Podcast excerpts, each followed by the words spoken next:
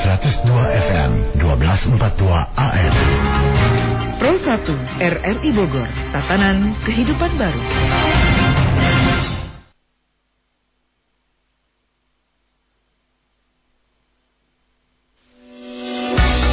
Pendengar, sesaat lagi kita akan ikuti segmen Ruang Publik.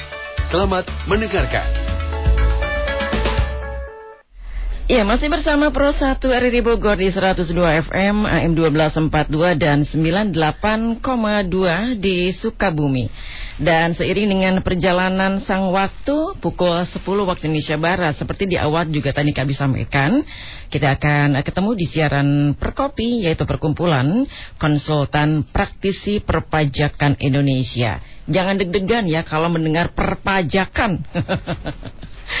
Ya termasuk saya bingung kalau sudah masalah pajak. Wah ini memang harus segera uh, juga kita uh, apa sih uh, ketahui. Jadi kita selama kurang lebih 60 menit ini uh, kita akan kupas tuntas uh, terkait dengan perpajakan ini. Mumpung ada ini para ahlinya di sini ya yang akan mengupas tuntas uh, bersama perkumpulan uh, konsultan praktisi perpajakan Indonesia. Ada empat narasumber yang siap-siap untuk bersama Anda pendengar jangan deg-degan kalau masalah pajak ini. Tapi kita akan perkenalkan dulu uh, narasumber yang sudah hadir di studio Pro 1 RRI Bogor. Dan kalau tetangga uh, mendapatkan keberkahan pasti juga tetangga sebelah akan berbahagia. Saya akan berikan ucapan selamat dulu ini kepada Bapak uh, Gilbert Areli. Beliau adalah selaku Ketua Umum Perkopi uh, periode 2020-2025 Selamat bertugas uh, Bapak Gilbert. Ya, terima kasih Bu. Iya luar biasa menjalankan amanah. Ini mudah-mudahan diberikan lancar Pak ya. Amin. amin. Oke pasti ini punya cerita punya uh, apa sih uh, kerja yang memang cukup berat, tetapi masih dilakukan ya Pak ya? Iya pasti. Oke sudah punya uh, ini tugas yang mulia ini ya Pak ya. ya. Oke selamat bertugas Pak dan ya. juga selamat mengemban uh, uh, selaku ketua umum ini di Perkopi mudah-mudahan semuanya lancar dan dukungan dari teman-teman juga akan membawa keberkahan. Ya, amin. Oke. Okay. Ya, setelah Bapak Gilbert selaku ketua umum Perkopi uh, dan di sampingnya juga ini sudah hadir ya ada Bapak uh, Carson. Oke, okay. ya. selamat pagi. Pagi, sahabat okay. RRI. Ya, salam ceria ya. Nervous sebetulnya. Hmm, iya, tapi enggak kedengeran. Iya. Ya, yang pasti mas semangatnya ya, bela pajak. Betul. Untuk Indonesia. Untuk Indonesia. Ini uh, bertugas di wilayah mana nih Bapak Karsan? Saya di Jakarta Utara, Pusat okay. dan Barat, begitu Bu. Mm -hmm. Sudah berapa lama? Iya, kita baru terpilih setelah hasil kongres kemarin ya, okay. 10 Oktober. Yes. Nah, jadi kita baru bertugas banget nih dan senang banget kita bisa diundang di RRI Bogor hari ini. Iya. Bertemu dengan teman-teman sahabat di Bogor okay, gitu ya. Pasti punya misi-misi yang memang luar biasa ya. Ah, betul, betul. Untuk Indonesia. Untuk Indonesia. Oke. Okay. Dan juga di sampingnya ini ada Bapak uh, Jacob. Iya. Oke, selamat pagi. Selamat pagi, Bu. Ini punya tugas uh, yang memang berat juga ya nih. ya, selaku ketua uh, sekretaris umum ya. Betul. Bagaimana ini persiapannya? Ya, sudah siap untuk mensupport uh, Perkopi okay. dan juga uh, Direktur Jenderal Pajak uh -huh. demi mencapai penerimaan yang lebih baik lagi. Amin. Iya, karena mas sekarang ini dibutuhkan banget ini ya. Betul. Ekonomi kita. Oke, dan berikut juga ini ada uh, Ibu Ita. Halo Ibu. Ini dari bertiga ini satu uh, perempuan yang memang ini kuat banget di perpajakan kayaknya. Ibu Ita, halo selamat pagi. Selamat pagi Bu Rani. Oke, dan Ibu Ita ini uh, Hmm, sekarang saya sebagai bendahara di Perkopi cabang Bogor. Oke, okay, tapi uang nggak dibawa pulang kan? Enggak. Oke, okay, itu dia empat narasumber yang akan uh, bersama Anda. Pendengar, silakan juga nanti kami berikan kesempatan ya ingin berkonsultasi dengan uh, para narasumber yang siap bersama Anda, perkumpulan konsultan praktisi perpajakan Indonesia. Uh, silakan melalui 0251831250 atau juga melalui uh, WA kami di 08 satunya 5 kali 4200 ya. Temanya insentif uh, pajak dalam menghadapi pandemi COVID-19. Seperti itu uh, temanya. Dan kita akan awali saja ini langsung ke pertanyaan karena juga kalau memang uh, ingin segera tuntas uh, perpajakan, ekonomi kita akan stabil lagi melawan COVID ini, insya Allah semuanya akan lancar ya. Oke, ada beberapa pertanyaan yang juga akan akan disampaikan. Namun sebelumnya, uh, di mana implikasi pandemi coronavirus uh, di 2019 COVID-19 ini telah berdampak terhadap pertumbuhan ekonomi nasional yang mengalami perlambatan dan penurunan penerimaan negara, peningkatan belanja negara sehingga diperlukan berbagai upaya pemerintah untuk melakukan penyelamatan kesehatan dan perekonomian nasional. Ya, salah satu langkah pemerintah dalam rangka penyelamatan perekonomian nasional dan stabilitas sistem keuangan melalui insentif perpajakan. Nah, ini dia yang akan kita uh, kupas tuntas uh, perbincangan di uh, pagi ini. Oke. Okay? Uh, ini ada beberapa pertanyaan. Saya juga pengen tahu dulu ini uh, dengan latar belakang pemerintah memberikan insentif pajak. Mungkin ini ke Bapak Gilbert dulu ya, selaku okay. Ketua Umum. Ya. Oke, Pak Gilbert, silahkan. Terima kasih Bu Rani. Jadi kalau dampak pandemi COVID-19 ini telah memperlambat ekonomi dunia usaha secara masif dan signifikan termasuk perekonomian Indonesia. Uh-huh. Untuk mengantisipasi beberapa dampak COVID ini, maka pemerintah mengambil beberapa langkah langkah kebijakan yang untuk diterapkan untuk mengantisipasi segala hal yang mungkin timbul yaitu pertama adalah untuk menjaga stabilitas pertumbuhan ekonomi, daya beli masyarakat dan produktivitas sektor tertentu sehubungan dengan dampak wabah COVID-19. Kemudian untuk mendukung penangguhan dampak dari COVID-19 tersebut. ya, mungkin demikian penjelasan saya. Okay. Dan intensif tambahan ini ada beberapa yang telah diberikan oleh pemerintah mhm. khususnya uh -huh. itu adalah mengenai PPh pasal 21 yang ditanggung oleh pemerintah mhm. -huh. kemudian diberikannya PPh final UMKM yang ditanggung oleh pemerintah mhm, -huh. sehingga para UMKM tidak tidak perlu membayar PPh final tersebut atas transaksinya uh -huh. dan ketiga adalah pembebasan PPh pasal 2 import dan keempat adalah pengurangan PPh pasal 25 sebesar 50% yang sebelumnya 30% -huh. sampai dengan periode Desember 2020. Uh -huh. Dan yang terakhir adalah pengembalian pendahuluan PPN sebagai PKP yang berisiko rendah. Uh -huh. Itu yang dipercepat oleh pemerintah. Demikian iya, mungkin iya. penjelasan saya, Bu. Iya, baik itu uh, yang disampaikan oleh Bapak Gilbert Rally, Ketua Umum Perkopi periode 2020-2025 ya. Oke, itu salah satu bagaimana upaya-upaya uh, pemerintah memberikan insentif pajak yang memang ini adalah salah satunya ke uh, perekonomian ya, ya Pak ya. Perekonomian baik. Indonesia. Perekonomian Indonesia. Ya baik. Ya, untuk yang berikutnya ini uh, insentif perpajakan apa saja yang diberi, dia diberikan oleh pemerintah. Oke, ini siapa yang akan menjawab dari ketiga narasumber pagi sudah membuka? Ya, ya, Pak Yakob. Tadi mungkin udah dijelaskan ya, sedikit betul. oleh Pak Gilbert. Jadi uh -huh. ada lima ya, ada lima uh -huh area yang diberikan insentif ya. oleh pemerintah. Oke, okay, ya. Yang pertama itu antara lain adalah PPh 21. PPh 21 betul. Betul, PPh 21 hmm. adalah PPh atas gaji ya, yang biasa kita kenal ya. Betul. Betul. Hmm. Jadi uh, eh, PPh de, untuk penghasilan nah, sampai dengan 200 juta setahun. Setahun. Betul. Hmm. Maka karyawan itu ditanggung pemerintah pajaknya. Pajaknya. Atas PPh yang terutang itu ditanggung oleh pemerintah hmm Seperti itu. Lalu yang kedua adalah PPH final UMKM. Nah, mungkin kita selama ini tahu kalau pemerintah telah memberikan tarif yang ringan ya 0,5 persen dari peredaran bruto.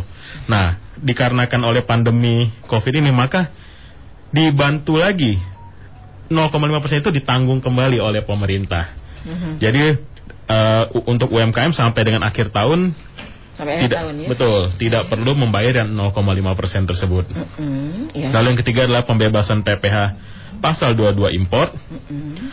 Lalu yang keempat adalah pengurangan PPh pasal 25 sebesar 50 persen. Mm -hmm. Jadi mungkin juga pemerintah tahu di tahun 2020 ini kemungkinan realisasi uh, bisnis ya, bisnis dari para pelaku usaha itu tidak bagus, maka diberikan pengurangan PPh pasal 25 sebesar 50%. Okay. Dan yang terakhir adalah pengembalian pendahuluan PPN sebagai PKP berisiko rendah. Seperti itu. Jadi ini di yang sebelumnya ini adalah PPN ini sebenarnya pemerintah untuk membantu cash flow. -huh. Jadi kadang-kadang uh, PPN itu kita sudah uh, sebelumnya itu batasan pengembalian pendahuluan adalah satu miliar, sekarang di uh, tingkatkan menjadi 5 miliar itu bisa dapat pengembalian dalam satu bulan. Nah, jadi kan ini membantu cash flow perusahaan supaya bisa menggerakkan Hidup hidupnya betul. Oke, okay. ya itu jadi ada pengurangan-pengurangan ya. Betul. Bahkan juga ini sampai nihyo ini ya. Betul. Tapi ini sampai Desember nggak berlama-lama sampai uh, mungkin atau memang selama Covid ini belum berakhir? Uh, untuk ini? saat ini hanya sampai Desember. Oh, Tapi sampai mungkin Desember. ini akan direview lagi ya, ya setelah akhir tahun ini akan okay. direview kembali apabila memang kondisi ekonomi juga belum membaik. Uh -uh.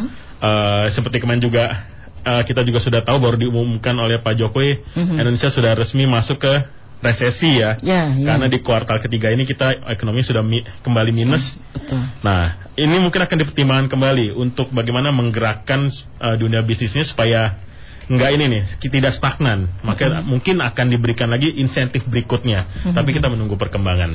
Iya, menunggu perkembangan dan uh, perekonomian ya seperti Betul. itu. Ya jadi deg juga nih aku. Bisa berlangsung atau berlama-lama juga kita negara ini pasti ya uh, akan kembali lagi resesi seperti itu ya. Oke okay. ya kemudian juga ini tadi ada beberapa uh, kategori yang sudah disampaikan ya siapa saja yang berhak mendapat uh, insentif ini. Tadi di antaranya mungkin termasuk UMKM tadi ya. Dan juga uh, pegawai. Betul. Oke. Okay. Untuk PPH 21 itu kan PPH 21. untuk karyawan ya, karyawan, supaya ya. mungkin uh, pajak yang ditanggung pemerintah sehingga uh -huh. kelebihannya itu bisa dipakai untuk sebagai konsumsi Betul. kembali ke masyarakat juga lagi. menggerakkan kembali ekonomi masyarakat yeah. bisa dipakai untuk konsumsi karena memang uh, selama pandemi Covid ini kemarin memang tingkat konsumsi itu sangat turun, maka Betul. ekonomi itu jadi tidak bergerak seperti itu. Oke, itu jadi antaranya uh, sudah ya ini sudah berjalan, sudah dilakukan, yang mudah-mudahan juga bisa diterima, bisa kembali lagi stab, uh, ekonomi kita. Ya. Oke, ini bagaimana cara untuk mendapatkan insentif pajak tersebut? Uh, di antaranya ini siapa yang akan menjawab? Pak Bu Ita. Oh Bu Ita, oke okay, Bu Ita, bagaimana ini bagaimana cara mendapatkan insentif pajak tersebut ya? Untuk para pelaku usaha uh -huh. yang ingin memanfaatkan insentif pajak tersebut okay. caranya sangat mudah. Okay. Dengan mengakses laman online DJP yang di www.pajak.go.id akan pilih menu layanan yaitu icon yang KSWP, uh -huh. kemudian pilih drop down list yaitu pilih fasilitasnya. Kalau untuk PPh pasal 21 kita ambil untuk fasilitas PPh pasal 21 ditanggung pemerintah. Yeah. Kalau untuk PPh pasal 22 untuk pembebasan kita pilih SKB PPh pasal 22 impor untuk pembebasan. Termasuk untuk fasilitas pengurangan PPh pasal 25. Mm-hmm. Kita tinggal akses alaman DJP online. Okay. Setelah itu tinggal pilih untuk layanan uh, yang mana yang mau dipilih fasilitas mana yang akan dimanfaatkan oleh para pelaku usaha. Oke, dan selama ini uh, dari pihak konsultan sendiri membantu nggak sih masyarakat untuk memberikan uh, ketenangan mereka seperti tadi untuk insentif pajak tersebut, untuk mendapatkan insentif, uh, ya pemahaman-pemahaman. Hmm. Ada yang sempat konsul? Kalau dari Perkopi sendiri kan kita sebenarnya sebagai mitra daripada mitra ya? Iya, Direktorat Jenderal Pajak membantu untuk memberikan sosialisasi okay. kepada wajib pajak agar segera memanfaatkan. Mm -mm. Tinggal dua bulan lagi nih sebenarnya gitu. Jadi yeah. bagi para pelaku usaha yang memang belum memanfaatkan, ayo segera memanfaatkan. Okay. Kita bantu pemerintah untuk uh, berjalannya stabilitas ekonomi yang lebih baik lagi ke depannya. Ya, ya seperti itu ya. Oke, nanti kita akan uh, berikan kesempatan untuk pendengar kami yang akan bergabung silakan di 0251 8321450 atau juga melalui 08 satunya 5 kali 4200 ya. Masih uh, banyak waktu yang akan kita lalui untuk Anda pendengar yang akan uh, terus serta berkonsultasi atau menanyakan hal-hal terkait dengan perpajakan ini. Mumpung ada kesempatan jangan lewatkan kebersamaan ini karena uh, waktu ini sangat bermanfaat untuk uh, dijadikan sebagai ya uh, sarana pemahaman terkait dengan uh, perpajakannya. Jadi uh, silakan Anda nanti tetap stay tune bersama kami hingga jelang nanti pukul 11 waktu Indonesia Barat.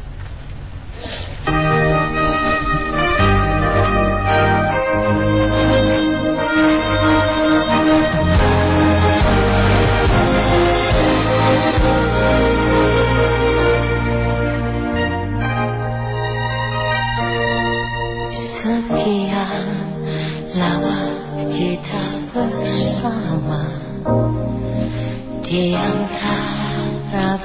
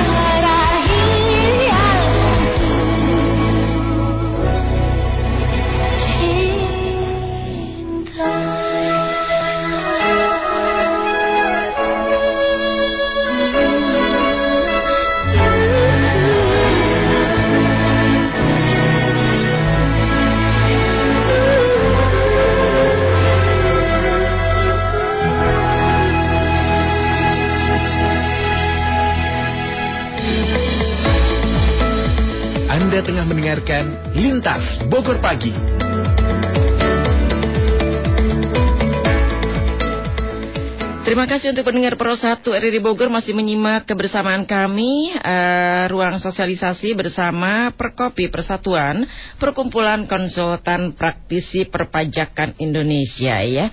Dan yang pasti kalau memang kita sadar pajak, paham semuanya pasti Indonesia akan kembali pulih uh, perekonomiannya. Amin. Apalagi dibantu oleh Perkopi ini yang memang akan memudahkan bagaimana kita paham uh, dengan uh, pajak ini. Sudah mulai mencairkan pendengar satu di Bogor ya tadi apa yang disampaikan oleh keempat narasumber ini.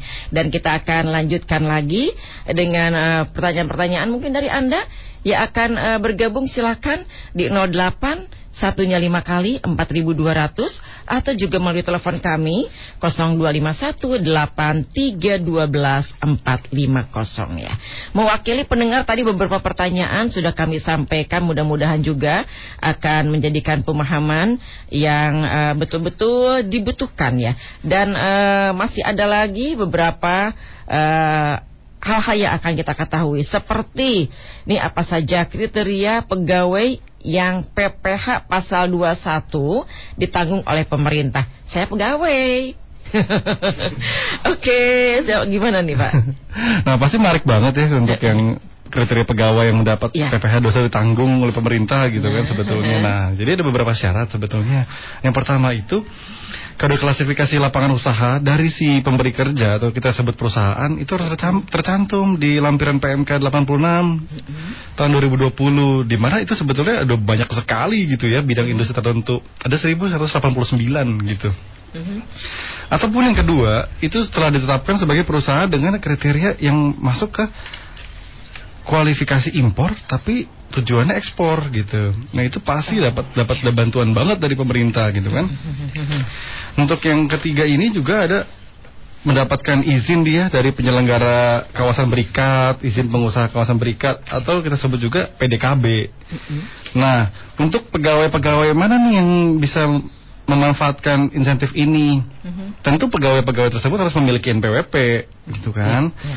Dan di mana pada masa pajak yang bersangkutan dalam periode ini dalam pandemi Covid itu dia pendapatannya itu tidak boleh melebihi 200 juta dalam setahun gitu ya. Jadi kalau kalau kira-kira itu mungkin 200 jutanya dibagi 12 bulan gitu ya. Bagi teman-teman yang bisa mengajukan ke perusahaannya bagi yang belum itu boleh banget diajukan gitu. Oke. Okay.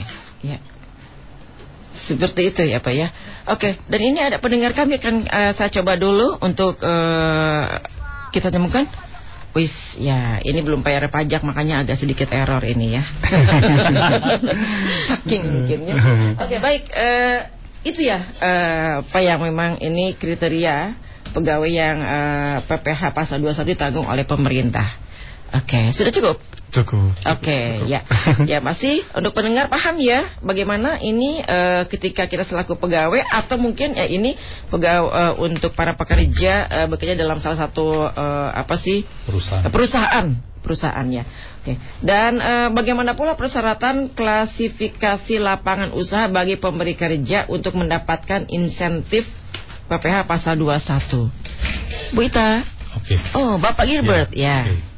Jadi pertama mm -hmm. uh, para wajib pajak harus menyampaikan SPT tahunan terlebih dahulu. SPT tahunan ini mm -hmm. paling tidak dia menyampaikan SPT tahun 2018 ya. 2018 karena kan sekarang kan ke yang terakhir ini kan kemarin terakhir kan ada 2019 juga. Yeah. Jadi bisa menyampaikan SPT periode sebelumnya misalnya 18 19 terus kemudian uh, data perpajakan atau master file itu dari wajib pajak itu terdaftar uh, setelah tahun 2018 dan selan, dan sele, dan selebihnya atau bagi instansi pemerintah. Jadi intinya adalah menyampaikan SPT tahunan terlebih dahulu mm -hmm. dan itu untuk melihat adalah klasifikasi kelayakan mm -hmm. usaha atau KLU dari wajib pajak sendiri. Demikian mm -hmm. penjelasan saya untuk klasifikasi sebagaimana itu diatur dalam uh, PMK 86 kemudian dirubah lagi dengan PMK 110 yang baru-baru ini mm. diterbitkan. Itu banyak sekali KLU-nya. Jadi mm -hmm. jadi wajib pajak tinggal melihat uh, klasifikasi usahanya udah sesuai belum yang ter tercantum dalam PMK 110.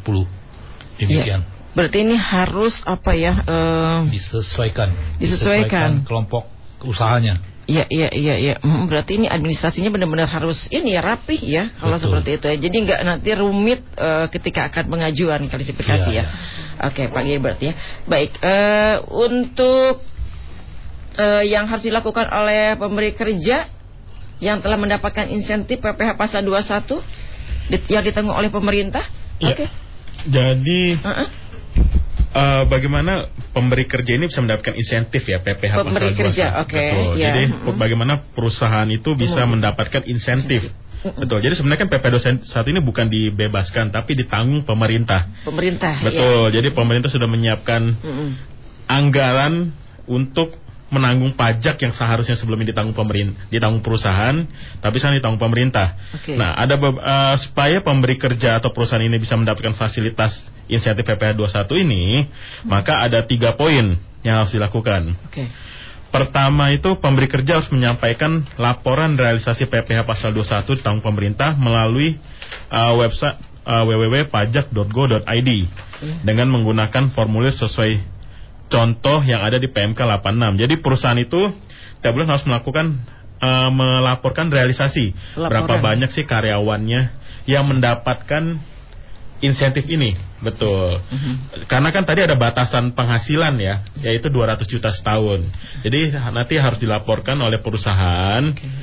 berapa karyawannya sih dari keseluruhan itu mendapatkan fasilitas. Iya. Seperti itu ya. -huh. Nah, lalu yang kedua adalah pemberi kerja atau atau perusahaan harus membuat surat setoran pajak atau cetakan kode billing yang dibubuhi cap atau tulisan PPH pasal 21 ditanggung pemerintah X PMK nomor 86 atas PPH pasal 1 tanggung oleh pemerintah. Jadi Pak uh, mungkin Pak para pendengar juga uh, sudah tahu kalau sekarang kan mungkin uh, semua udah pakai e-billing ya, e-billing. Jadi pada saat kita akan mencetak e-billing di, di bagian keterangannya itu diberi catatan. Jadi mungkin sekarang udah nggak pakai cap ya, tapi diberi catatan atau tulisan inilah PPH 21 tanggung oleh pemerintah. Okay. Seperti itu di bagian notesnya. Okay. Nah lalu yang ketiga, kapan laporan ini harus di laporan realisasi ini harus disampaikan? Nah itu setiap tanggal 20 pada bulan berikutnya.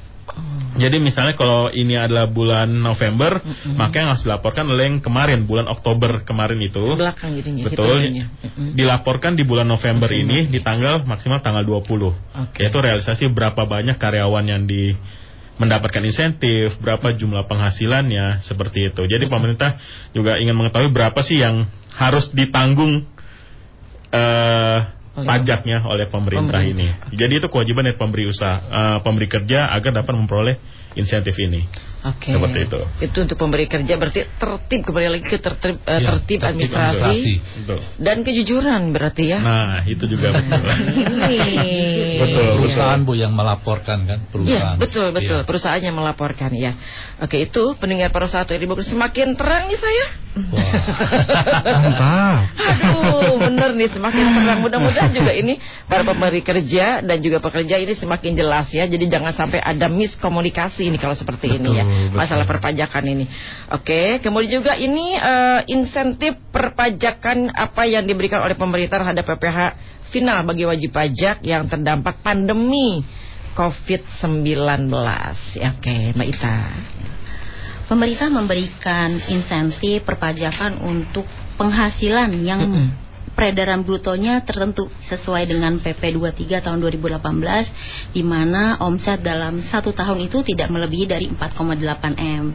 Yang semula tadi dijelaskan oleh Pak Jakob misalnya yeah. kita harus bayar 0,5 persen dari peredaran bruto. Okay. nah untuk itu ke depannya jika sudah mendaftarkan untuk mengikuti uh, eh, PPH UMKM ditanggung pemerintah maka itu dibebaskan atau ditanggung pemerintah yaitu dengan melaporkan realisasinya saja tidak ada setoran lagi Bu paling mm -hmm. itu. Mhm. Sampai Desember. Mm -hmm. Sampai Desember. Sampai Desember ya. Oke, okay. ya. Bagaimana pendengar kami dengan penjelasan-penjelasan dari keempat narasumber ini ya uh, sudah bisa diterima atau juga sudah menjadi bahan uh, sebagai eh, ungkapan-ungkapan uh, mengetahui dengan perpajakan ini apalagi mungkin yang pemberi pekerja pemberi kerja ya Pak ya ini juga ya. memang pasti sudah mulai uh, merapikan administrasinya sesuai dengan apa yang dibutuhkan ya oke okay. dan masih ada satu menit mungkin ini pertanyaannya yang akan saya lakukan uh, di mana ini apa yang dilakukan oleh wajib pajak nah wajib pajak nih ya kembali lagi wajib pajak yang telah mendapatkan insentif PPh final ditanggung oleh pemerintah ya tadi uh, sudah juga jawaban Ibu Ita. Kemudian juga bagaimana cara mendapatkan insentif pembebasan Nah ini pembebasan yang paling seru nih. ya pembebasan uh, pembebasan uh, PPH pasal 22 impor nih. Ini oh, yang memang banget. Uh, ya ini kayaknya memang bagi pe, uh, bagi perusahaan itu seneng ya tapi iya, memang harus dengar pembebasan gitu ya. ya. pembebasan aja ini bagaimana nih. Uh, uh. Oke. Okay. Jadi untuk perusahaan-perusahaan yang melakukan kegiatan impor begitu. Mm -hmm. Nah, yeah. jadi mendapatkan pembebasan dengan beberapa syarat nih sebetulnya. Jadi yang pertama itu kan e, mereka perusahaan itu harus menyampaikan permohonan surat keterangan bebasnya melalui juga yang tadi disebutkan di laman www.pajar.go.id gitu ya. Lalu di menu KSWP mereka akan e, menemukan list uh, list permohonan SKB pem, uh, untuk PPH pasal 22 impor mm -hmm. gitu kan. Mm -hmm. Nah, jadi yang dilampirkan ini juga ada yang harus dilampirkan ya. Okay. Ada dua.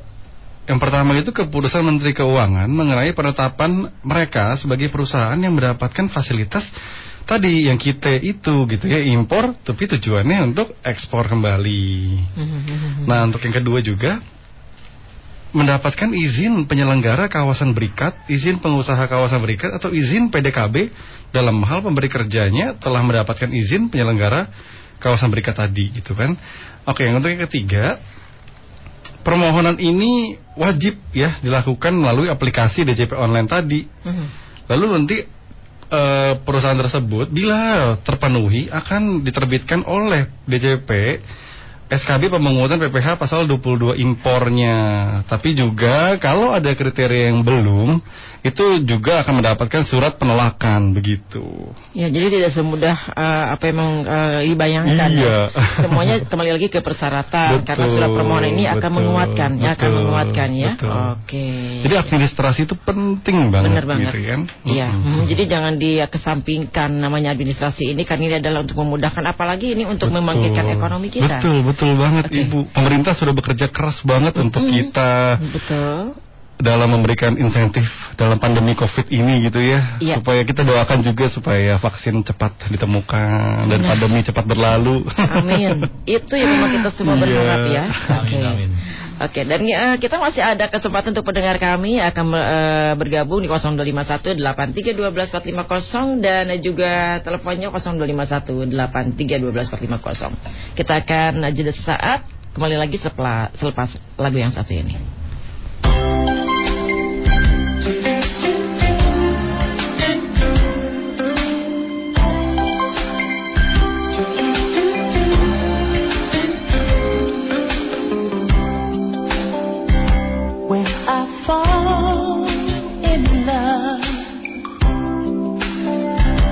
it will be forever. Or I'll never fall in love.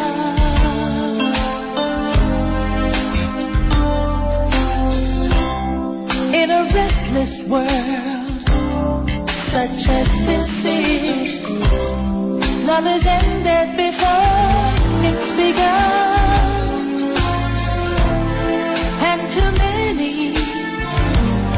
Like kisses seem to cool in the water.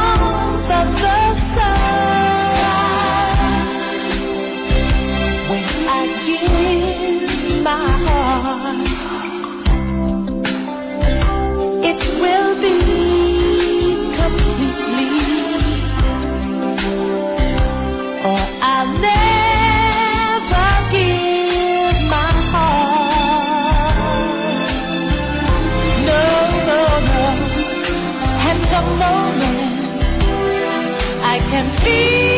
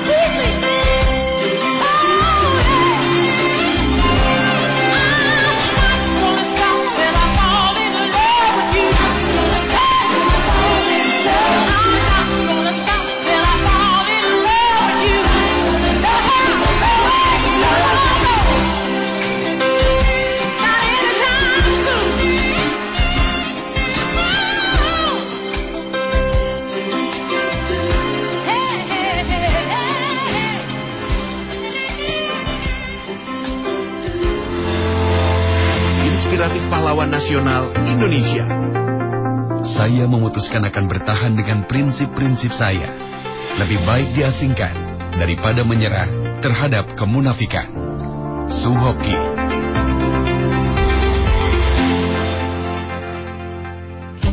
Kanal Inspirasi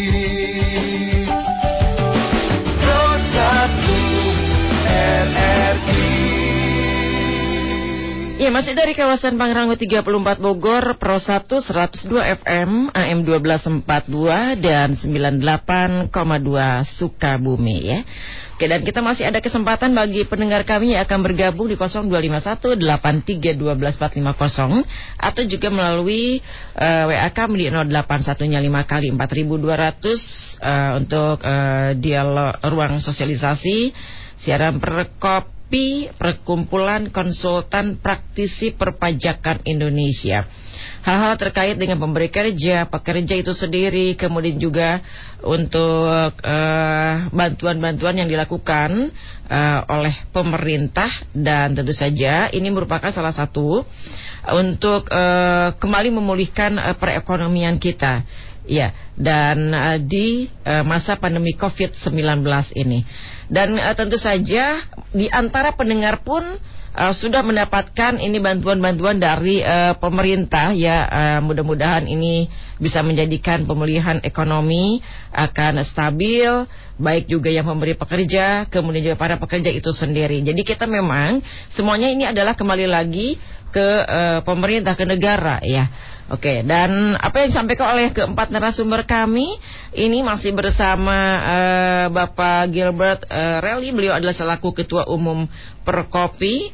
Uh, kemudian juga ada Bapak Carson, pengurus untuk wilayah uh, Jakarta ya. Oke, okay. kemudian juga ada Bapak Jacob, kemudian juga ini merupakan uh, salah satu sekretaris umum di Prokopi, kemudian juga ada uh, Ibu Ita Ya, tadi sudah menyampaikan hal-hal terkait dengan uh, perpajakan ini. Dan Anda juga masih kami berikan kesempatan di 0251 8321450 dan juga WA kami di 0815 kali 4200 ya. Mereview lagi dengan tadi uh, beberapa penyampaian terkait dengan uh, angsuran PPH pasal 25 sebetulnya tadi sudah disinggung ya ya dengan uh, insentif untuk mendapatkan insentif pengurangan angsuran PPh pasal 25. Ya sebetulnya ini sudah udah tadi disampaikan tapi untuk kembali lagi memberikan pemahaman yang sejelas-jelasnya ini boleh kita ingatkan lagi ya Ibu Ita, Pak Yakob ya, Pak Gilbert. Ya. Oke, Pak Kalser bagaimana? Siapa ya. yang akan uh, kembali menekankan ya. uh, pemahaman yang lebih jelas. Ya, jadi kalau PEP uh, sebenarnya saya coba jelaskan kalau PPh 25 itu okay. merupakan angsuran ya, angsuran, angsuran ya. Uh, pajak di tahun berjalan ya. uh, ag agar nanti pada saat kita pelapor SPT tahunan wajib pajak itu tidak berat dalam Betul. ini ya. Jadi tidak berat dalam melunasi kewajiban, perpajakan. Ya. PPh 25 itu dasar perhitungannya menggunakan angka dari tahun sebelumnya. Seperti itu. Jadi kalau misalnya tahun 2020 makanya dasar perhitungan PPH angsuran PPH 25 adalah dari tahun 2019. Okay.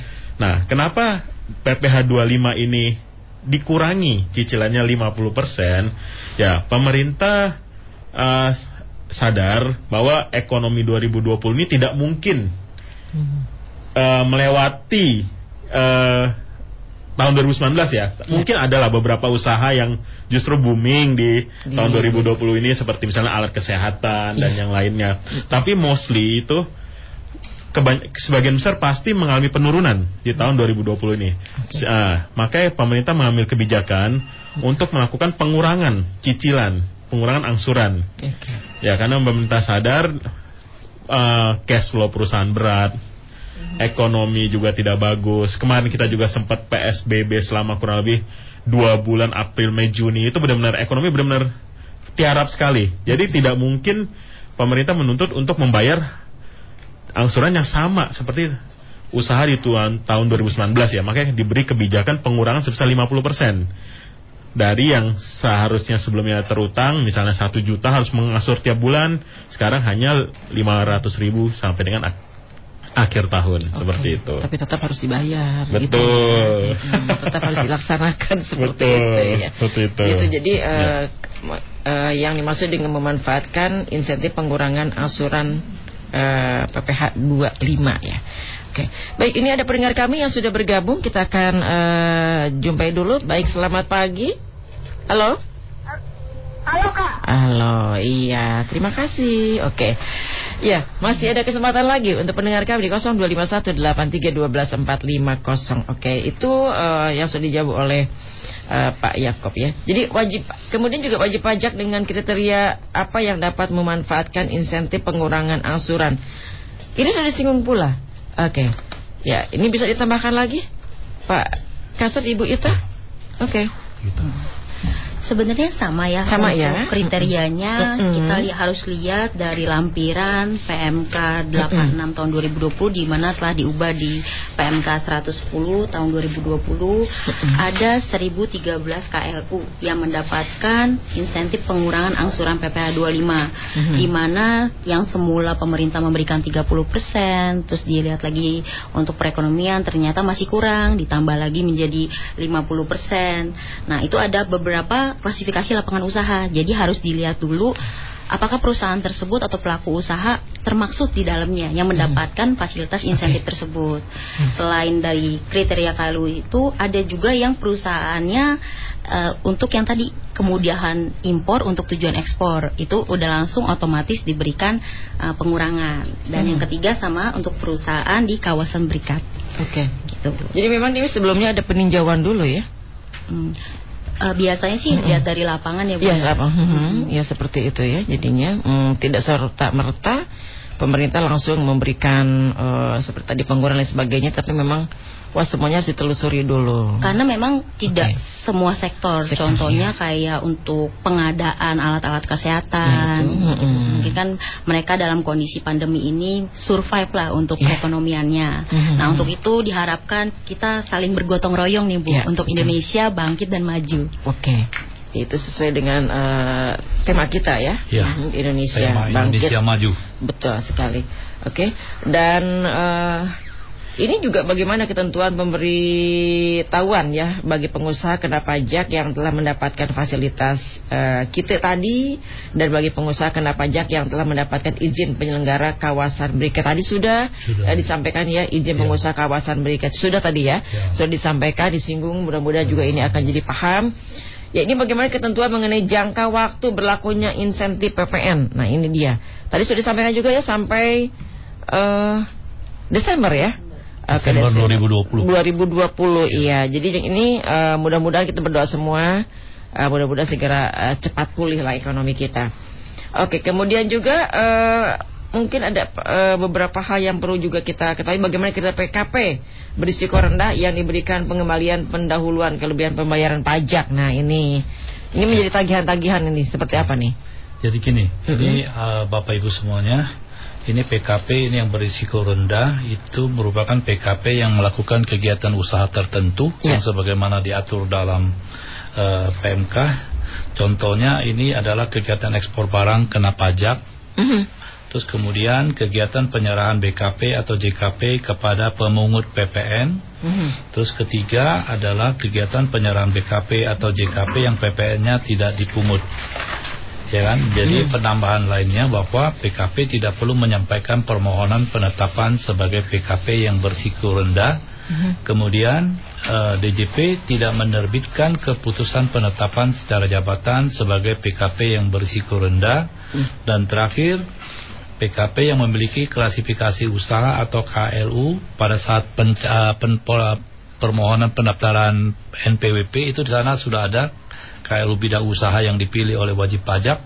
Jadi ini sebagaimana yang tercantum dan jadi dijelaskan dalam lampiran PMK 86 yang kemudian dirubah dengan PMK 110.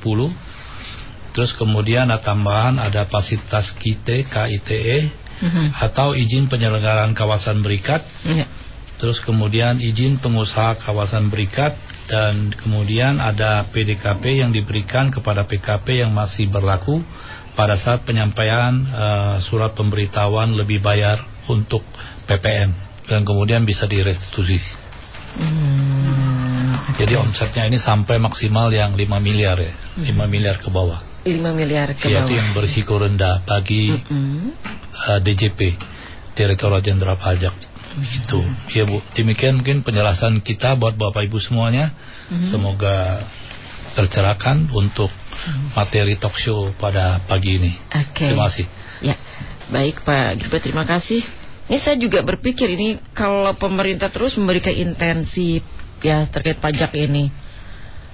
Kalau kita sebagai bangsa Indonesia yang sadar mungkin wah nanti ke depannya Indonesia akan seperti apa gitu ya. Oh. Mungkin juga uh, rugi atau bagaimana sih coba.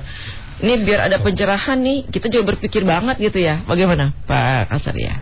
Nah sebetulnya kan pertanyaan ini di benak seluruh masyarakat gitu ya karena iya. apakah pemerintah tidak rugi gitu kan nah, insentif itu. gitu kan? Iya.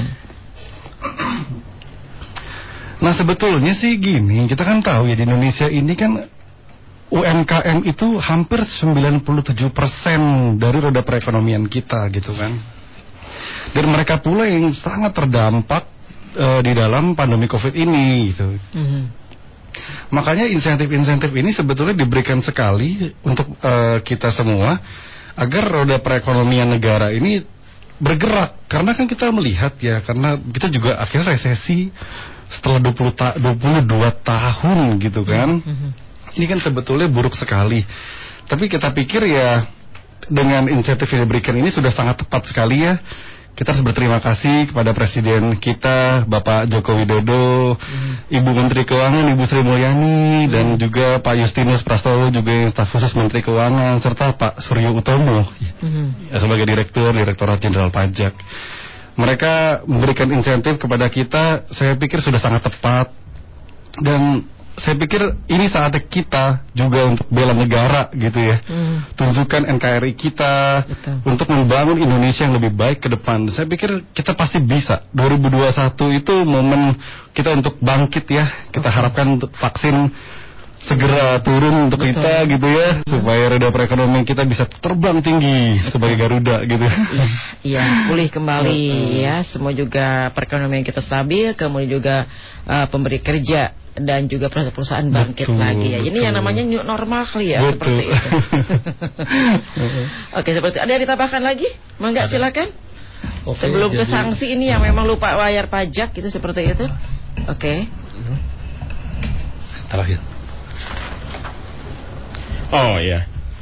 Lalu misalnya gini, yang kita namanya udah diberi insentif mm -mm. beberapa kemudahan oleh pemerintah. Yeah. Lalu uh, kan tadi juga ada kewajiban dari wajib pajak untuk melaporkan realisasi atas insentif ini. Jadi kan pemerintah juga mau mengontrol, mengetahui eh, siapa-siapa uh, saja menggunakan memanfaatkan insentif ini, berapa banyak yang dimanfaatkan insentif ini.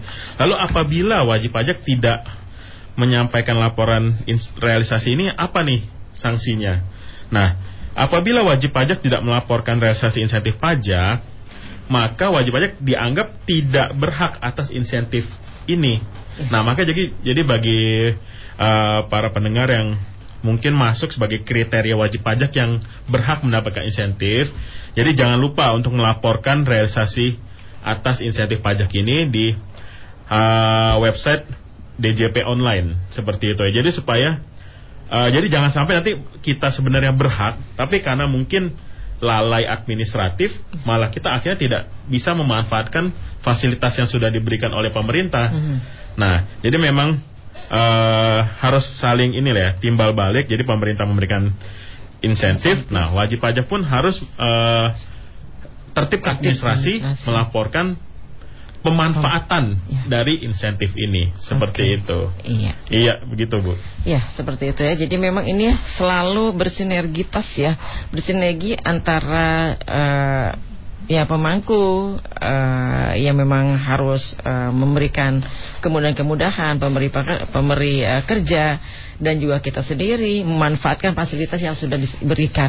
Betul dan nanti kalau memang sudah berhasil untuk ruginya tetap harus lapor juga kan? Betul. Nah itu dia pendengar Pro satu di Bogor. Nah tentu kalau memang kita uh, apa sih mm, tidak mengikuti aturan-aturan pasti akan kena sanksi. Ya. Betul. Sanksi seberat apa sih memang akan diberikan kepada orang wajib pajak yang memang ini tidak mengikuti aturan atau lebih tidak melaporkan realisasi insentif pajak COVID-19 coba ya. Ya, kalau apa, untuk tidak memanfaatkan insentif ini uh -uh. sanksinya adalah berarti kan Uh, misalnya gini, misalnya tadi uh, ada PPh 21 yang ditanggung hmm. pemerintah. Okay. Jadi ada PPh 21 atas gaji yang sebenarnya ditanggung pemerintah, hmm. tapi yang bersangkutan lalai administratif. Yeah.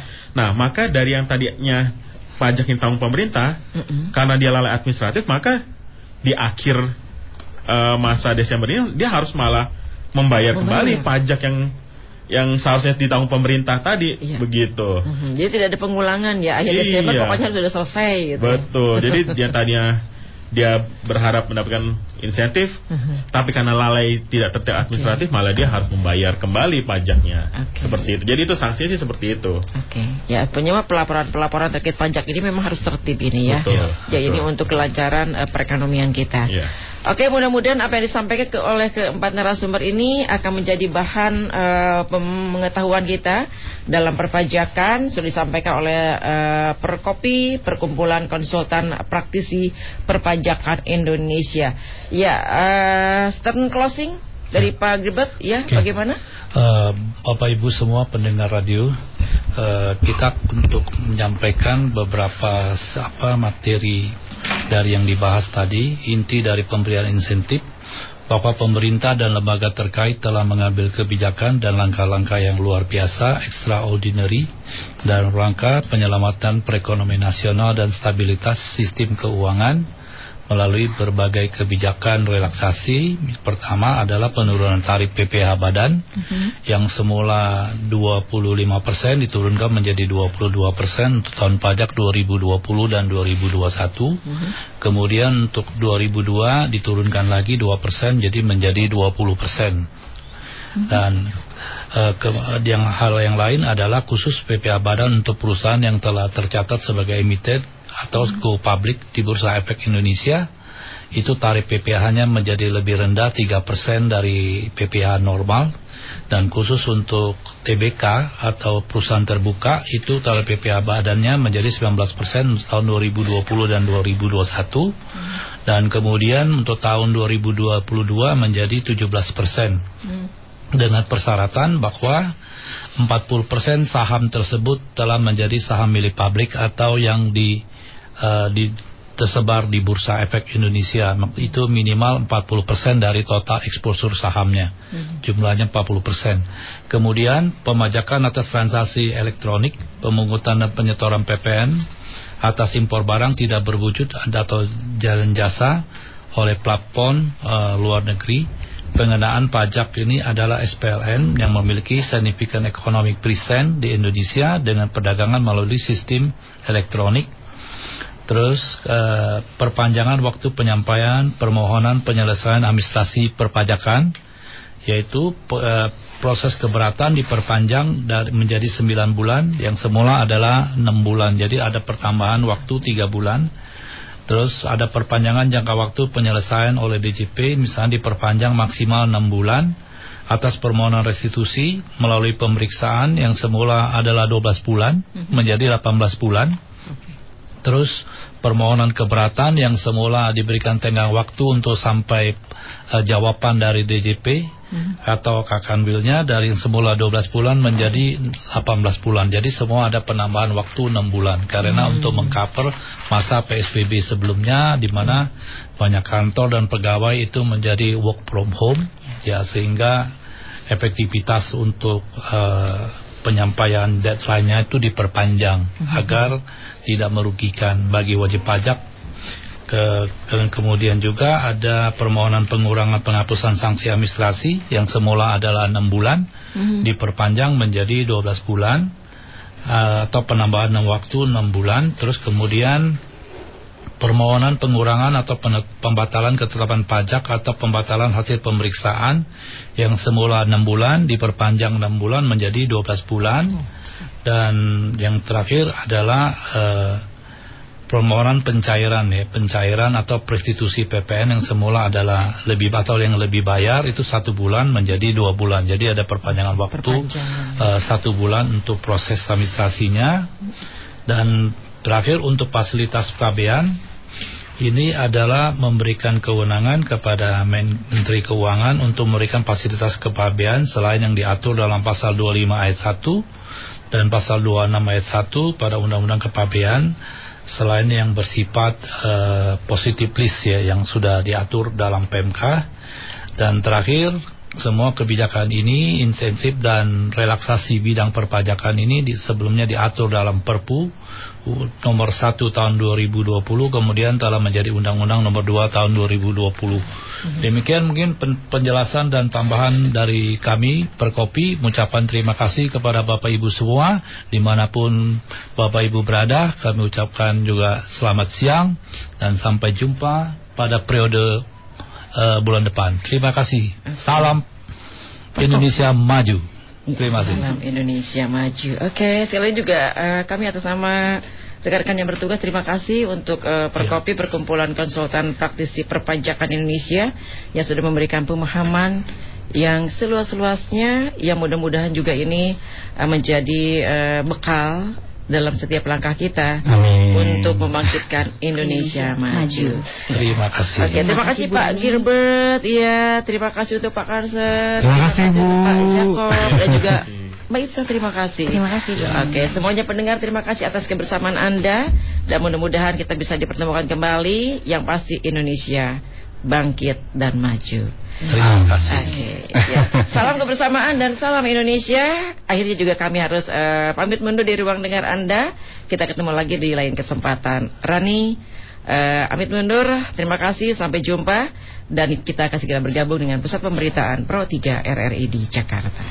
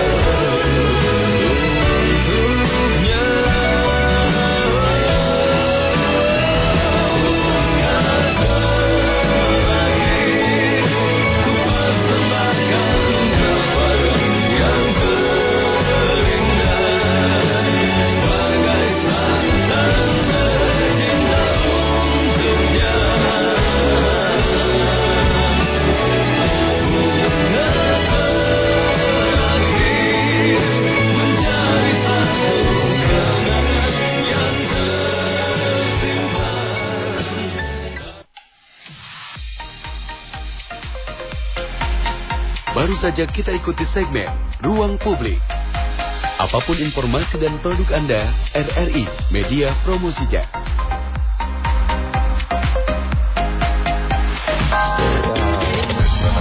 Anda telah mendengarkan Lintas Bogor Pagi. Saatnya Anda mendengarkan Lintas Bogor Siang.